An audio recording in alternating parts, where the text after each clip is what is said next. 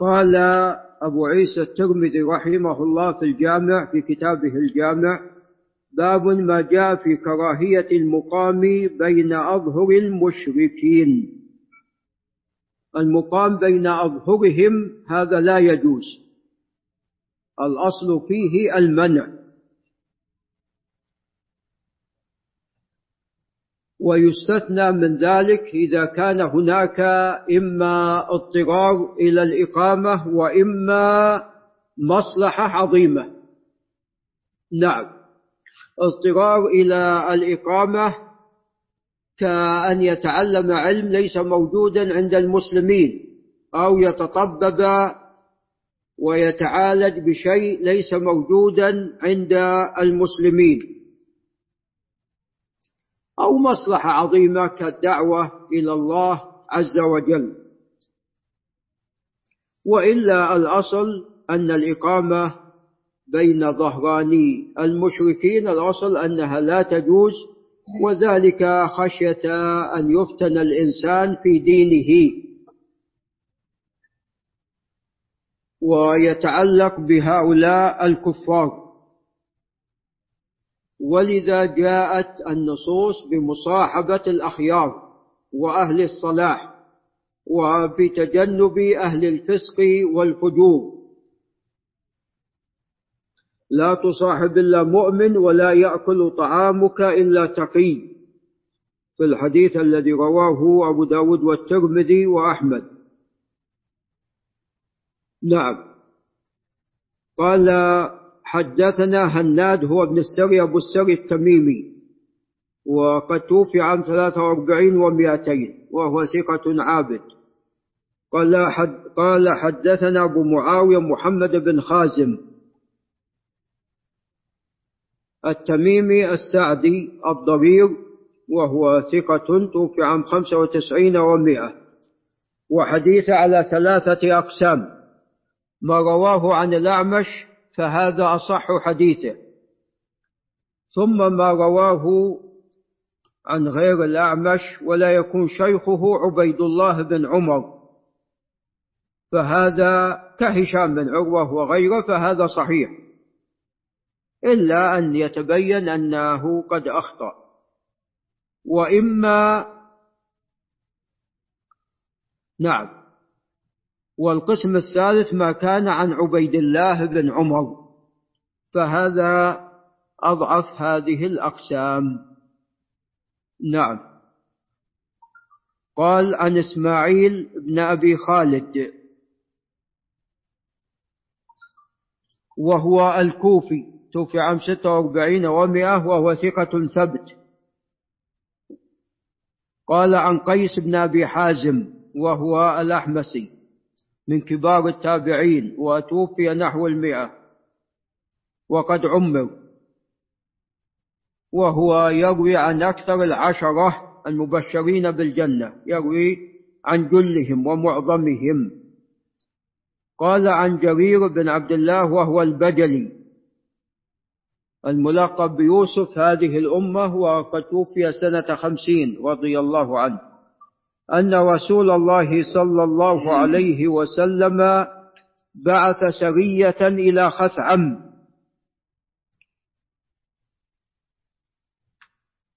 وخثعم هم ابناء عم الأزد. وهم من قحطان. نعم وشهران من خثعم والآن شهران أكبر من خثعم. قال فاعتصم ناس بالسجود فأسرع فيهم القتل.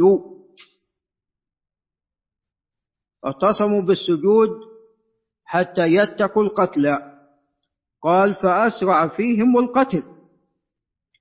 فبلغ ذلك النبي صلى الله عليه وسلم فأمر لهم بنصف العقل. هؤلاء تبين أنهم مسلمون. ولكنهم قاموا بين ظهراني المشركين فلذا قتلوا فاعتصموا بالسجود حتى يتقوا القتل وأنهم من أهل الإسلام ولكن قتلوا. قال فأمر لهم بنصف العقل بنصف الدية. نعم ليست الدية كاملة لأن مقاموا بين المشركين فتسببوا في قتلهم. وقال أنا بريء من كل مسلم يقيم بين أظهر المشركين. إذا هؤلاء قد أقاموا بين أظهر المشركين.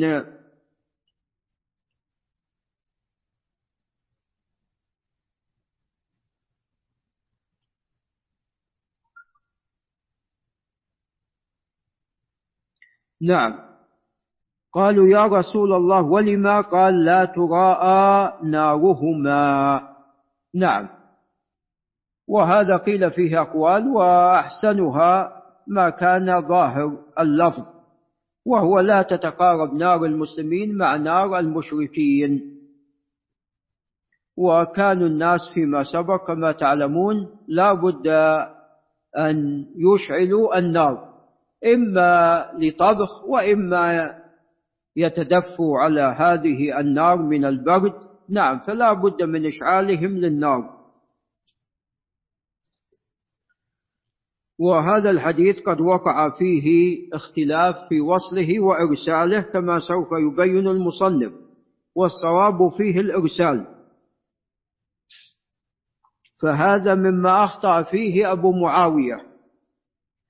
قال حدثنا هناد هو ابن السري تقدم. قال حدثنا عبده هو بن سليمان الكلابي وهو ثقة ثبت توفي عام سبعة وثمانين ومئة. وعبده أثبت من أبي معاوية كيف وقد توبع؟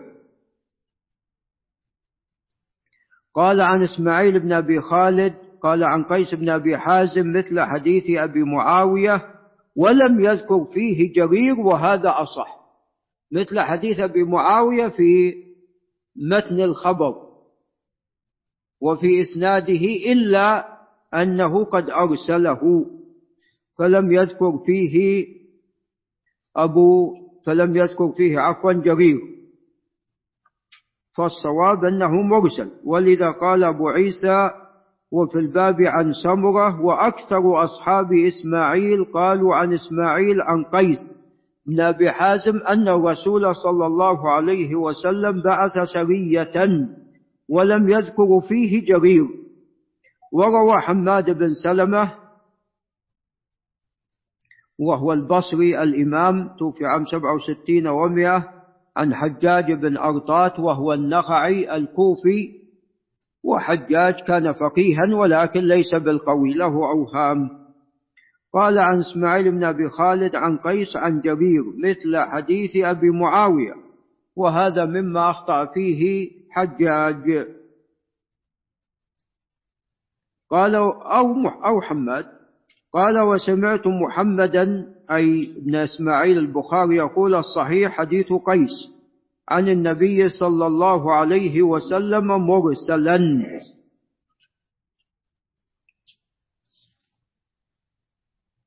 فالبخاري وأبو عيسى الترمذي كلاهما يقولان بالإرسال أو يصوبان الإرسال. فالصواب في هذا الخبر الإرسال.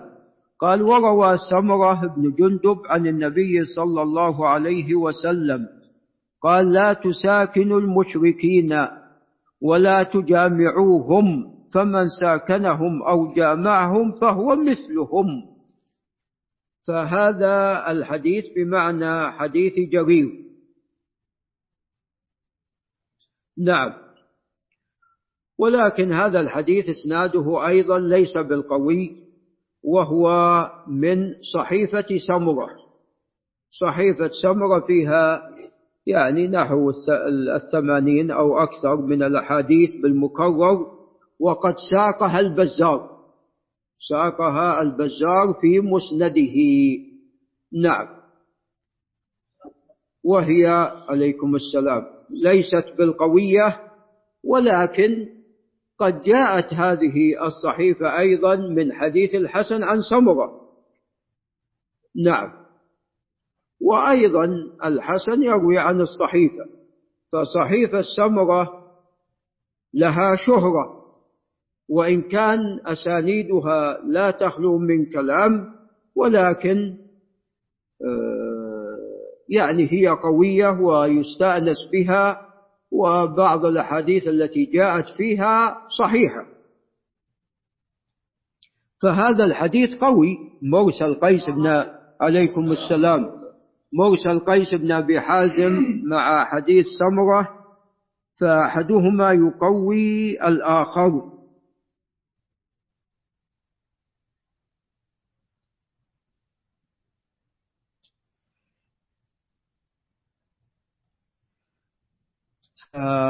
الإقامة بين ظهراني المشركين ومجامعتهم هذا خطير وقد يسلب الإنسان دينه بسبب ذلك.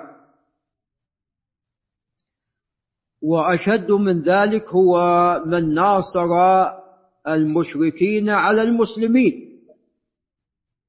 وقد ذكر أبو محمد بن حزم والشيخ محمد بن عبد الوهاب رحمة الله عليهما ذكروا الإجماع على أن من ناصر المشركين على المسلمين فإن هذا ردة.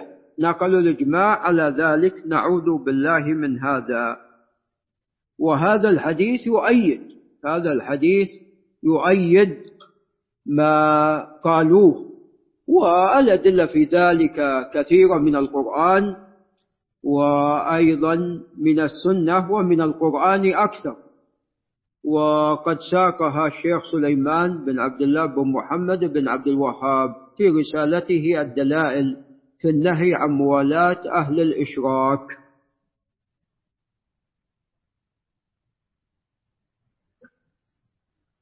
قال باب ما جاء في إخراج اليهود والنصارى من جزيرة العرب. اليهود والنصارى كفار وهم أهل كتاب.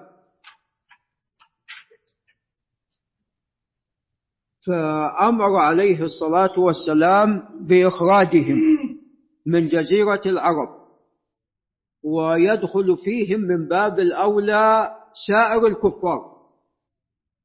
الأقرب للمسلمين من الكفار أهل الكتاب. فإذا كان أهل الكتاب قد أمروا بالإخ... قد أمرنا بإخراجهم إذا من باب أولى باقي ماذا؟ باقي الكفار. نعم والمشركين. نعم. وفي هذا أراد عليه الصلاة والسلام أن تكون جزيرة العرب خالصة لأهل الإسلام أن تكون خالصة لأهل الإسلام. وهذا الإخراج من جزيرة العرب فقط وليس من كل بلاد الإسلام. وقد اختلف في حدود جزيرة العرب. التي أمر بإخراج اليهود والنصارى منها. فهناك حدان لجزيرة العرب. هناك حد جغرافي وهناك حد شرعي. الحد الجغرافي لا شك يعني هو كل ما أحاطت به المياه. فسميت شبه جزيرة العرب أو شبه الجزيرة العربية لأن المياه تحدها من ثلاثة جهات. بقي جهة شمال الجزيرة وهي العراق وبلاد الشام. نعم. فهذا حد جغرافي لا يختلف عليه. نعم فالمياه كلها تحيط بالجهات الثلاث ما عدا الرابعة فحدها بلاد الشام والعراق. وأما الحد الشرعي فقال بعض أهل العلم أن المقصود هنا الحجاز فقط. المقصود هنا الحجاز من الجزيرة. نعم. وأضاف بعضه وبعض أهل العلم خصص أكثر قال مكة والمدينة. نعم.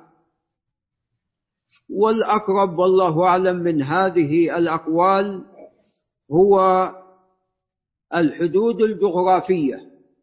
هي المقصودة هنا. والدليل على ذلك أن الأصل في الجزيرة هي ما حاطت بها المياه. فهذه شبه الجزيرة. إذا كل ما يحيط في الجهات الثلاثة كل ما حاط به المياه من الجهات الثلاثة. فيدخل في ذلك اليمن ونجد مع الحجاز طبعا هو الأول وشرق الجزيرة. نعم. ويؤيد هذا قوله عليه الصلاة والسلام من جزيرة ماذا؟ العرب. فيدرب ناصر وغيره أن العرب ليسوا في الحجاز فقط. بل بالجزيرة كلها. في هذه الأماكن كلها. فالعرب كانوا في الأصل في هذه الأماكن ثم خرجوا. نعم. فتقييد ذلك بالعرب هذا يؤيد ما تقدم. فالحجاز ليس مختصا بالعرب فقط بل حتى اليمن وحتى نجد وحتى شرق الجزيرة العربية. فكل هذه هي مساكن للعرب. فقول عليه الصلاة والسلام جزيرة العرب والله أعلم هذا يؤكد ما تقدم. نعم.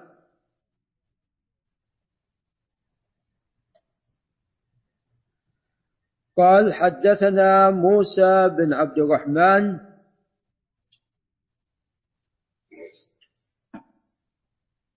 بن سعيد بن مسروق الكندي وهو ثقة توفي عام 58 و200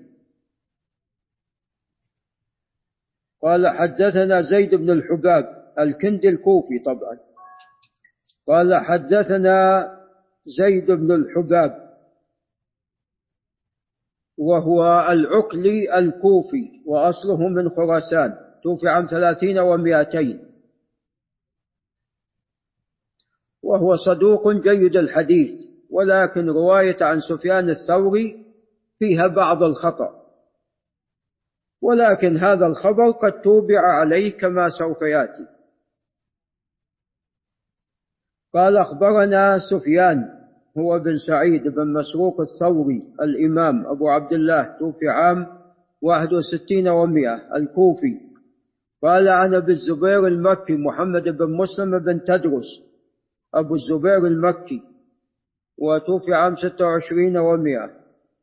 قال عن جابر بن عبد الله بن عمرو بن حرام الأنصاري رضي الله عنه وتوفي عام 78 قال عن عمر بن الخطاب رضي الله تعالى عنه.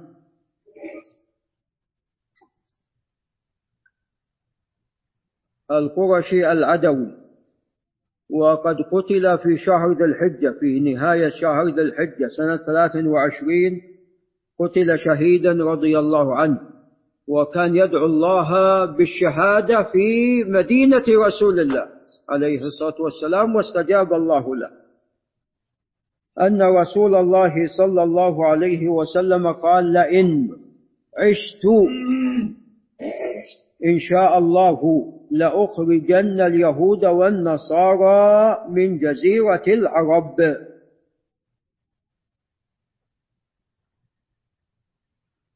وهذا لا بأس بإسناده. وسوف يأتي بإسناد أصح قال حدثنا الحسن بن علي الخلال وهو الحلواني. وهو ثقة ثبت فقيه توفي عام 23 ومائتين.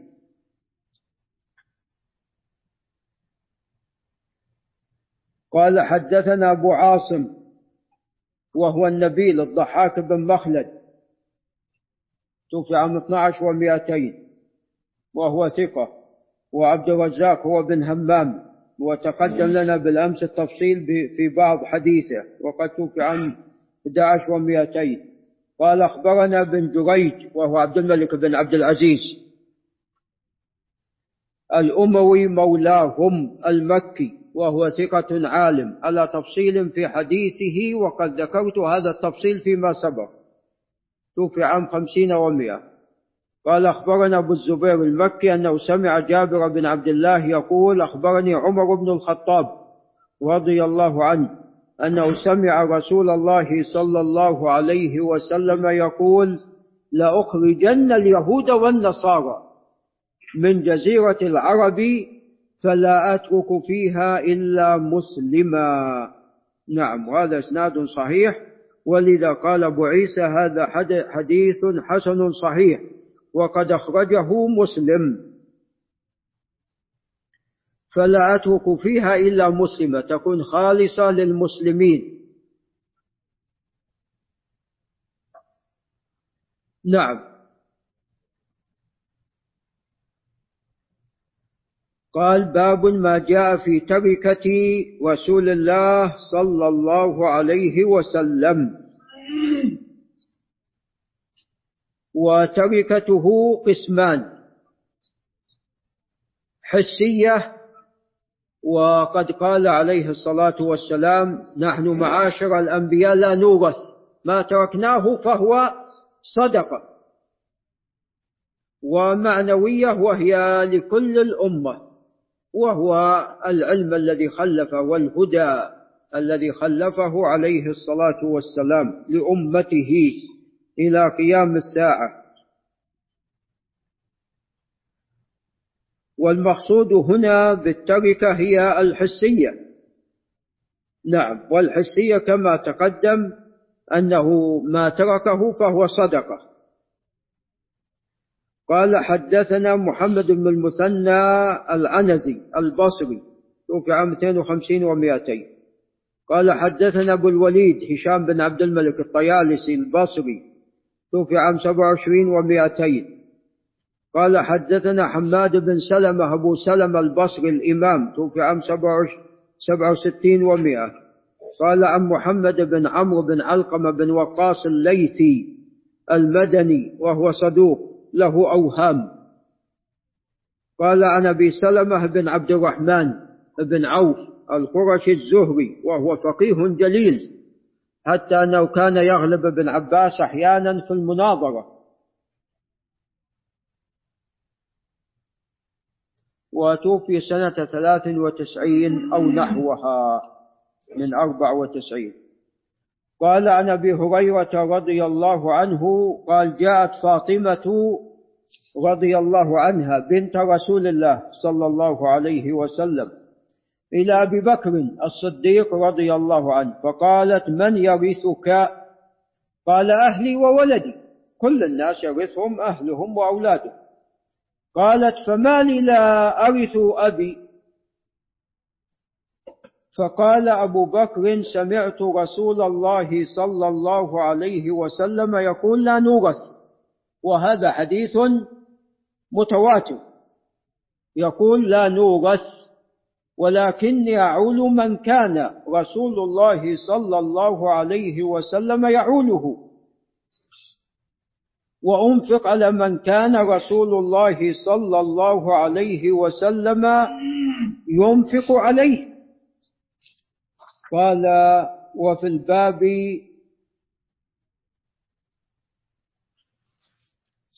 عن عمر رضي الله عنه وطلحة والزبير وعبد الرحمن بن عوف وسعد كل هؤلاء من العشرة. وعائشة وأبي هريرة رضي الله عنهم جميعا. وحديث أبي هريرة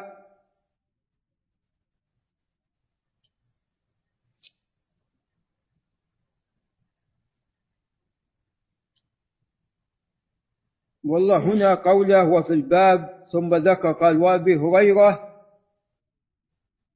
فيها بعض الإشكال لأنه ليس من عادته إلا أن يقصد حديث آخر لأبي هريرة. قال وحديث أبي هريرة حديث حسن غريب. في أحد ما عند أبي هريرة والله هذا زيادة أبي هريرة فيها إشكال. الرسالة ما فيه؟ هذه الرسالة فنعم هذا والله أعلم يعني الأصل عدم ذكره. لأن ليس من عادته هو قد ساق كيف يقول هو في الباب؟ قال وحديث أبي هريرة حديث حسن غريب من هذا الوجه. إنما أسنده حماد بن سلمة وعبد الوهاب بن عطاء. الوهاب بن عطاء الخفاف العجلي البصري وهو صدوق. له بعض الأوهام توفي عام أربعة ومائتين قال عن محمد بن عمرو عن أبي سلمة عن أبي هريرة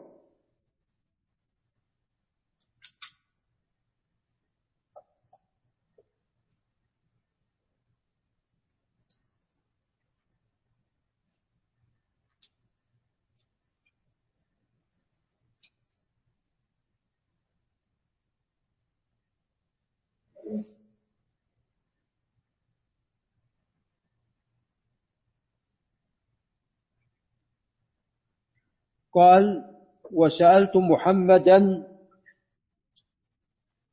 عن هذا الحديث فقال لا أعلم أحدا رواه عن محمد بن عمرو عن أبي سلمة عن أبي هريرة إلا حماد بن سلمة. وقد رواه هذا كلام أبو عيسى عبد الوهاب بن عطاء محمد بن عمرو عن أبي سلمة عن أبي هريرة نحو رواية حماد بن سلمة. وهذا ليس موجودا في بعض النسخ وما سوف يأتي. كذا من قول وسألتم محمدا إلى وقد روي هذا الحديث من غير وجه عن أبي بكر الصديق عن النبي صلى الله عليه وسلم ليس موجودا في بعض النسخ. وهو الأقرب. وإنما هذا موجود في العلل الكبير. أخذ من العلل الكبير. هذا موجود في العلل لعل مصطفى الشيخ مصطفى الصعيدي ينتبه هذا موجود في العلل الكبير. فأخذ من العلل الكبير. يعني أضيف. ولذا ليس موجودا في نسخة العراقي والمبارك فوري ولم يذكره المزي في التحفة. ولكن استدركه ابن حجر في النكت الضراف. فيبدو أن ببعض النسخ ألحق وهو في العلل الكبير أخذ من العلل الكبير. قال وقد رواه عبد الوهاب بن عطاء محمد بن عمرو نعم عن أبي سلمة عن أبي هريرة نحو رواية حماد بن سلمة حدثنا بذلك علي بن عيسى قال حدثنا عبد الوهاب بن عطاء وهو الخفاف توفي عام أربع ومائتين قال حدثنا محمد بن عمرو عن أبي سلمة عن أبي هريرة رضي الله عنه أن فاطمة رضي الله عنها جاءت أبا بكر رضي الله عنهما عنه وعن أبيه أن فاطمة بنت رسول الله صلى الله عليه وسلم جاءت إلى أبي بكر رضي الله عنه وعن أبيه وعمر رضي الله عنه تسأل ميراثها من رسول الله صلى الله عليه وسلم فقال سمعنا رسول الله صلى الله عليه وسلم يقول إني لا أورث قالت والله لا أكلمكما أبدا فماتت ولا تكلمهما. قال علي بن عيسى معنى لا أكلمكما تعني في هذا الميراث أبدا أنتما صادقان. هو الظاهر خلاف ما قاله علي بن عيسى. يعني كأنها قالت لا أكلمك أنها قد يعني زعلت غضبت. لكن هو توجيه من علي بن عيسى جميل قال وقد روي هذا الحديث من غير وجه عن أبي بكر الصديق رضي الله عنه عن النبي صلى الله عليه وسلم.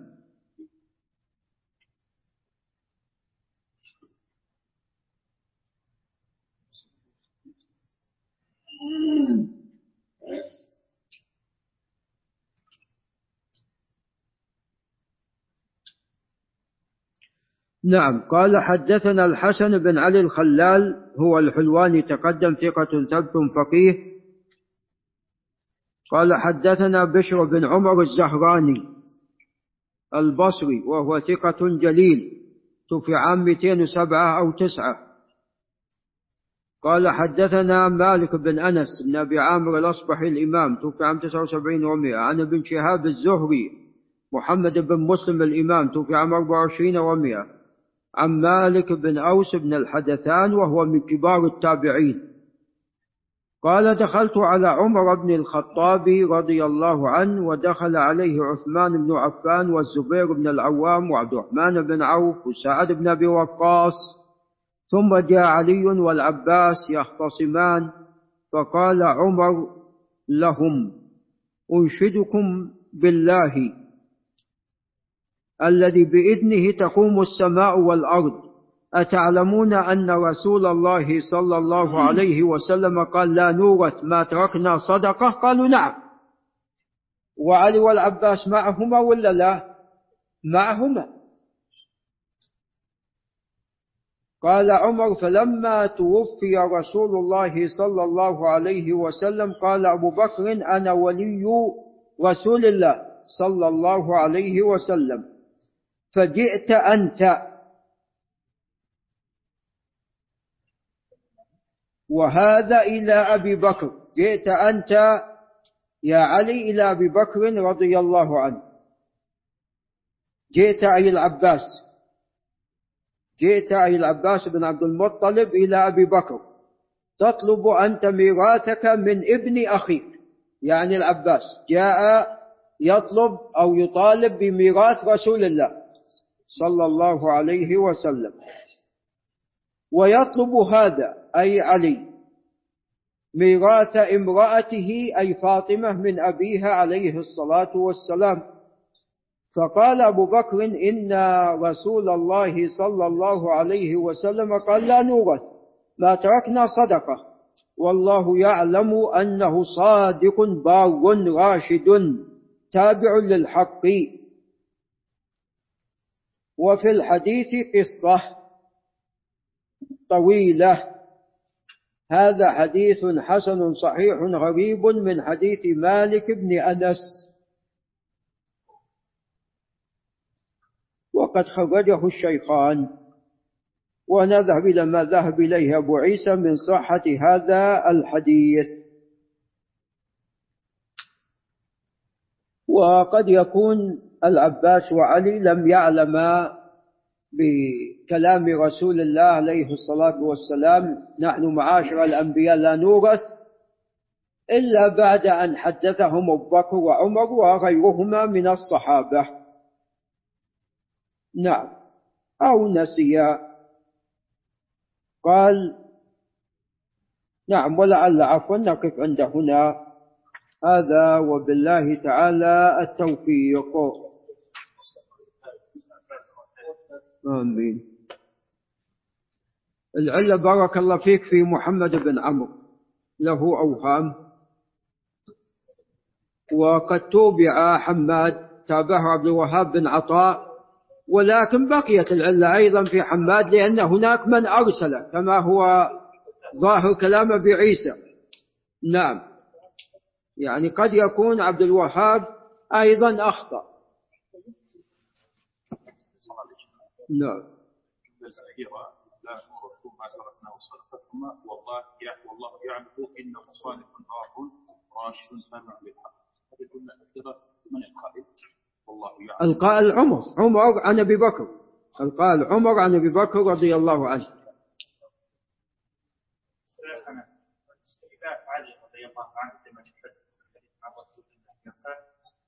والله اسناده يعني صالح اسناده صالح. نعم جب التمر يا محمد الإسلام.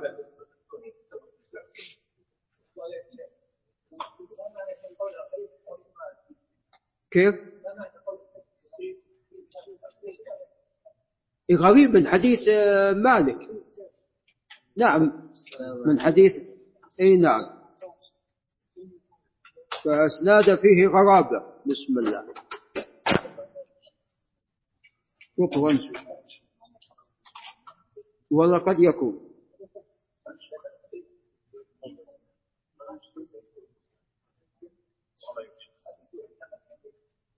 نعم. باب ما جاء في كراهيه المقام للتحريم للتحريم. ما في كلام. الأصل في كلام السلف للتحريم للكراهة التحريم. هذا الأصل في كلام السلف.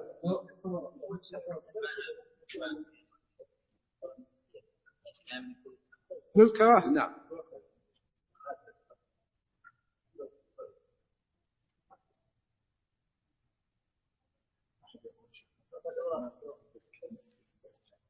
ما هو؟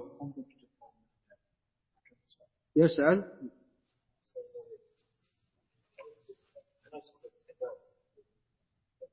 هذا في السير في السير هذا يتعلق في السير نعم. والله. نعم.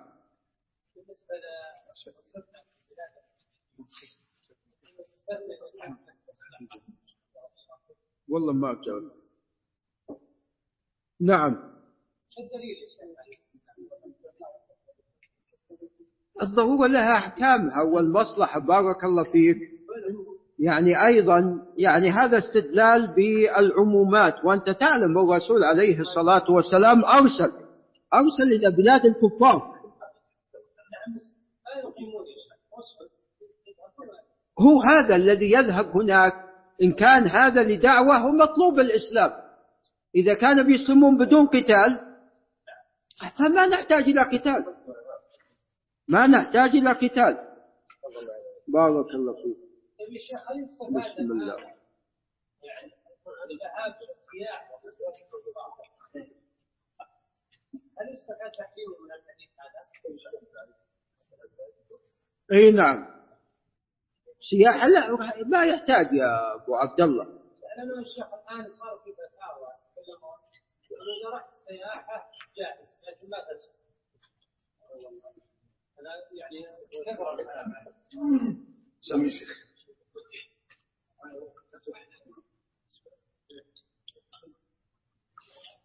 هذا مو بصحيح. إن جلس شهرين وثلاثة نعم قد يتأثر. نعم.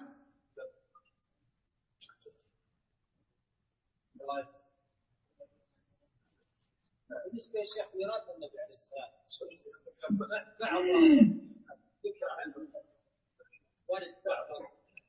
البيت.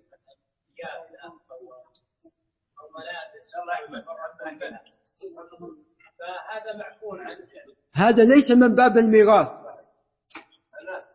أي هذا ليس من باب الميراث فهم أولى به.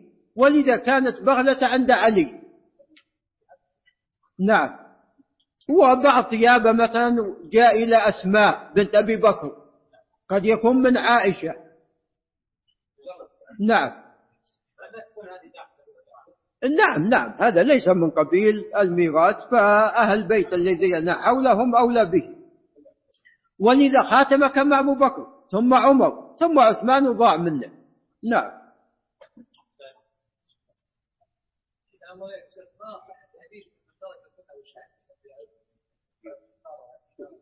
مو بصحيح.